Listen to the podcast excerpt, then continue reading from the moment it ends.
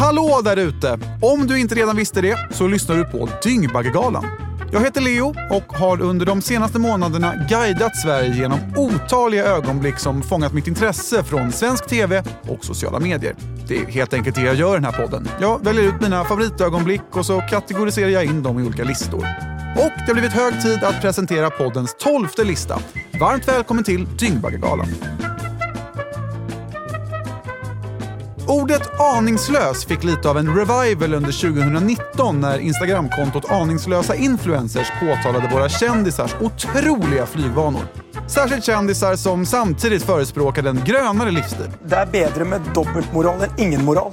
Men att vara aningslös kan också innebära att man vill väl, men att det till slut blir lite tokigt ändå.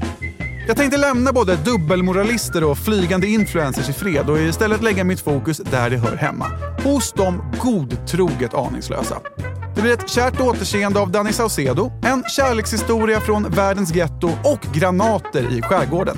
Tema för dagen, aningslösa. Take it away!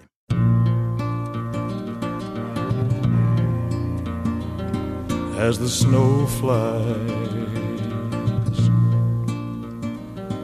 On a cold and gray Chicago morning, a poor little baby child is born in the ghetto. I programmet Bytt i bytt så tävlar par i att uppskatta värdet på antika klenoder.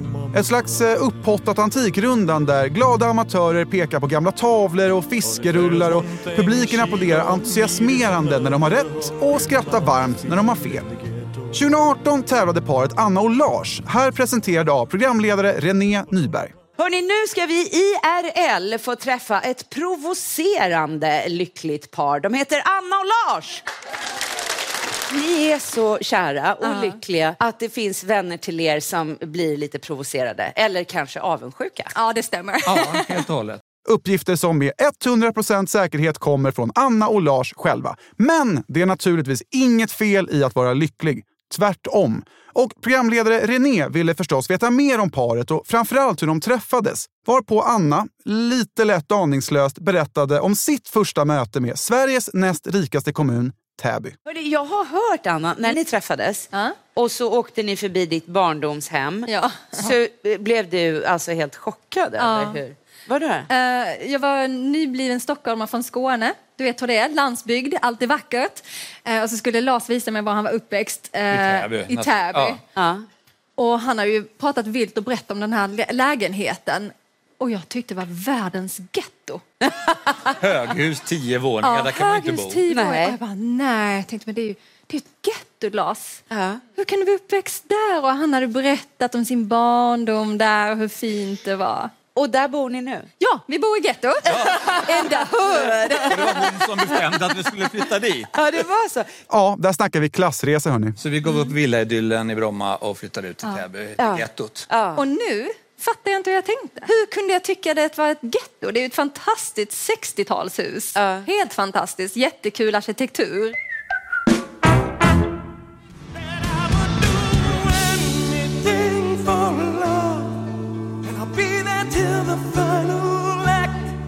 Ingen människa som någonsin har varit på en dejt kan väl uppriktigt påstå att hen aldrig har gjort sig till eller gjort uppoffringar eller åtminstone gjort visst avkall på sig själv. Jag har bland annat varit på en reggae-konsert i Amsterdam, bara en sån sak. Och mycket här i livet handlar ju om att göra uppoffringar för andra människor. Vilket till exempel statuerades av den här killen i första dejten. Jag är ju vegan då. Så Ja, men jag kan ju köra. Jag kör också veganskt då. ja, vad kul. Testar vi det. Jag har aldrig ätit veganskt innan. Så det kör. Fine. Kärlek för mig är att vara beredd att offra sig för en annan person. Somliga äter grönsaker medan andra offrar sig när det är dags att betala. Ska vi dela? Det är, jag, tycker, jag tycker att killarna ska ta första dejten. Om det är okej. För det är så mycket som är orättvist i den här världen så att... Tack så mycket. Ja, så det är ingen fara.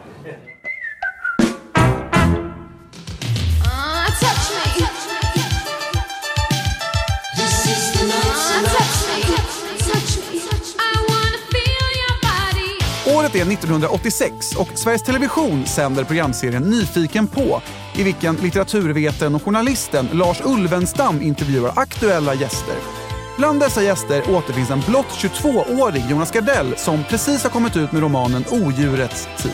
Jonas, som dessförinnan gett ut romanen Passionsspelet om homosexualitet och att kunna bli accepterad för den man är, ses tidigt som en tongivande röst i hbtq-rörelsen medan samhället i stort ligger en bit efter.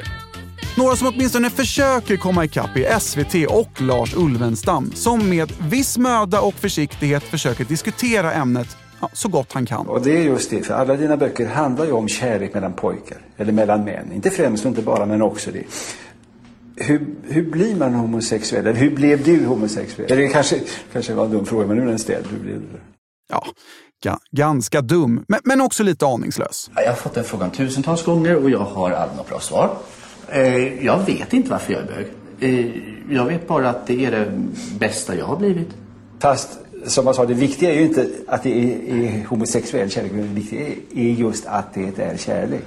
Mm, det är kärlek. Vilket Ulven naturligtvis har alldeles rätt i. Och jag kan för övrigt rekommendera hela intervjun på Youtube. Det är en eh, studie i både gubbig aningslöshet men också en lika skitsnygg som skarp Jonas Gardell. Vi har inte råd som världen ser. Världen är mycket otäckare än vad vi tror. Vi har inte råd att ropa bögjävel idag eller svartskalle eller någonting annat. För att ifall vi börjar eliminera de antal grupper som, som har existensberättigande kommer vi jävligt snart hamna i en situation där vi står näst på tur. Och i den här världen finns mycket mer taggtråd än vad vi anar.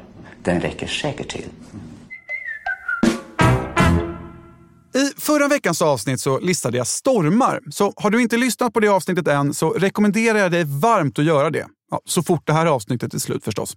Men apropå stormar så rapporterar TV4-nyheterna den 4 januari 2019 om en tropisk storm som dragit in över stora delar av Thailand. Fortsätter utrikes. Den tropiska stormen Papuk har nu dragit in över de populära turistområdena i södra Thailand. Det är det stigande vattnet som är det stora problemet. Stormen har fört med sig ett ihållande regn och över 6 000 människor har evakuerats. Vi fortsätter med vädrets härjningar här hemma. Ja, för samtidigt så härjar stormen Alfrida i norra Europa, som Sverige dessbättre klarar sig rätt välbehållna ifrån. Men det finns såklart undantag. Och hemma hos Linda på Gräddö utanför Stockholm har stormen tagit hårt.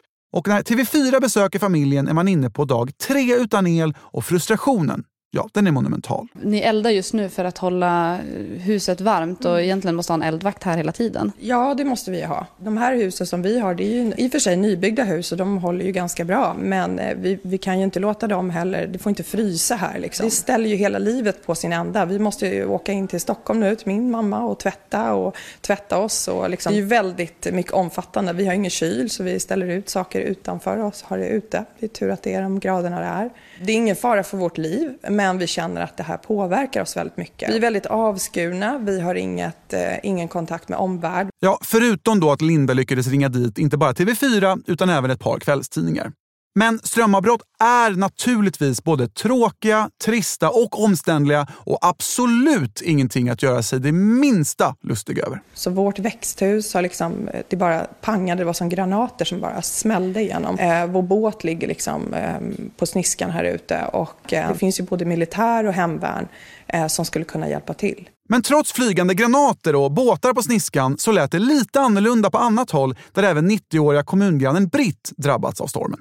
Jo då, till att vara strömlös tycker jag att det har gått bra. Man får ju rätta sig efter hur det är förstås. Det får man ju göra. Men eh, jag tycker det har gått bra. Och Karin har ju hjälpt mig väldigt mycket med. Så vi skulle nog klara en vecka till om det hade varit. Vad ska du göra när strömmen kommer tillbaks? Oh du, det finns hur mycket som helst. Jag skulle tro att när det blir riktigt ljust då ser man hur det behöver städas.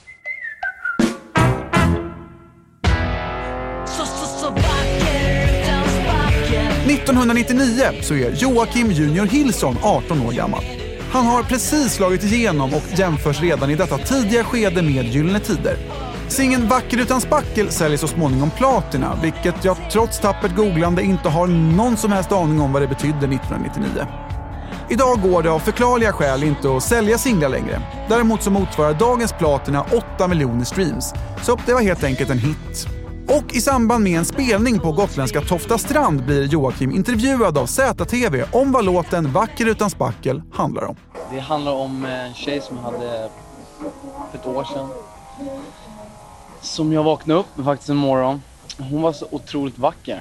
sådär som man... Eh, killar brukar säga annorlunda och de brukar säga oj, oj, oj, nu ska jag nog gå hem alltså. Men det var inte så faktiskt. Det var, eh, ja, så fick jag den här idén liksom, vacker utan spackel. Jag har absolut ingen aning om vad han pratar om. För det där ordet spackel, det är liksom, det är sådär um, som var då liksom och det är nu också. Man pratar mycket om spackel och så här, liksom. I tidningarna stod det att unga tjejer sminkar sig liksom. Så det, det var en sån här grej som jag tyckte det var, passade så bra. Tycker du att unga tjejer sminkar sig för mycket?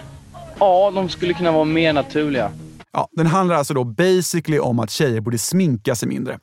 En eh, feministisk kampsång signerad 1999. Tack för input Joakim Hillson. Men trots ömmande poesi och rader som “När jag är med dig står tiden still, att vara med dig är allt jag vill” så gick Joakim inte riktigt hem hos landets kritiker. Något som fick en annan aktuell popröst 1999, nämligen Martin att gå bärsärkagång. Jag känner inte Joakim Hillson, jag har ingen relation till honom. Jag kan inte påstå att jag diggar hans musik. Till, alltså jag menar, Vacker utan spackel är en bra poplåt, inget sådär. Jag är varken för eller emot liksom. Men när jag ser hur han blir behandlad av pressen så blir jag bara så här. Fy fan, ja, då har man lust att gå ut och skalla varenda jävel liksom. Vi är framme vid listans första plats. En första plats som främmande nog går till Danny Saucedo. Melodi nummer ett. Amazing. Gruppen EMD bildas 2007 och består då av de tidigare Idol-deltagarna Erik Segerstedt, Mattias Andreasson och nyss nämnda Danny Saucedo. 2009 så är gruppen aktuella med ett välgörenhetsprojekt och singeln Välkommen hem. Hjälp någon att få en varmare jul. Köp EMD singel Välkommen hem. Alla intäkter går till Stadsmissionens julinsamling för de hemlösa. Ett beundransvärt initiativ förstås. Och med anledning av detta och att man också spelat in en tv-dokumentär om just hemlösa så gästar gruppen i december samma år TV4s Nyhetsmorgon. Uh, vi mötte väldigt, mycket, uh, väldigt många hemlösa när vi var ute och gjorde en dokumentär om just hemlöshet. Mm. Uh, och många, många som bor på gatan, det enda de vill ha egentligen är ett leende, bemötande, ett att folk ser dem. Liksom. Mm, att de får vara liksom, en, Mm. en människa. De även är, en, om- ja, de är en del av liksom, samhället. Bara att de finns, liksom att folk inte bara... Ja, det enda hemlösa saknar är alltså ett leende. Och vi avslutar dagens lista med en anekdot signerad Danny Saucedo. Det var en som sa ett jätte, eh, en väldigt bra liknelse. Så om du har en hundralapp och, och spottar på den och skrynklar ner den, slänger den på backen och stampar på den så, och plockar upp den så har den fortfarande ett värde av hundra spänn. Det är precis samma sak med ett, ett människoliv. Det är, ett människoliv har alltid ett människovärde. Liksom. Mm. Hur smutsig och skitig den personen än är så Precis. är den värd lika mycket som alla andra. Väldigt fint sagt. Tänkvärt. Väldigt bra liknelse. Du har lyssnat på det tolfte avsnittet av Dyngbaggegalan och jag hoppas att ni haft lika stor glädje av det som jag.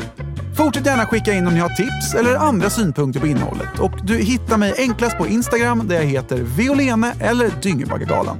Nej, nu tar vi fredag hörni, så hörs vi igen om en vecka. Tack för att du har lyssnat. God kväll, Sverige.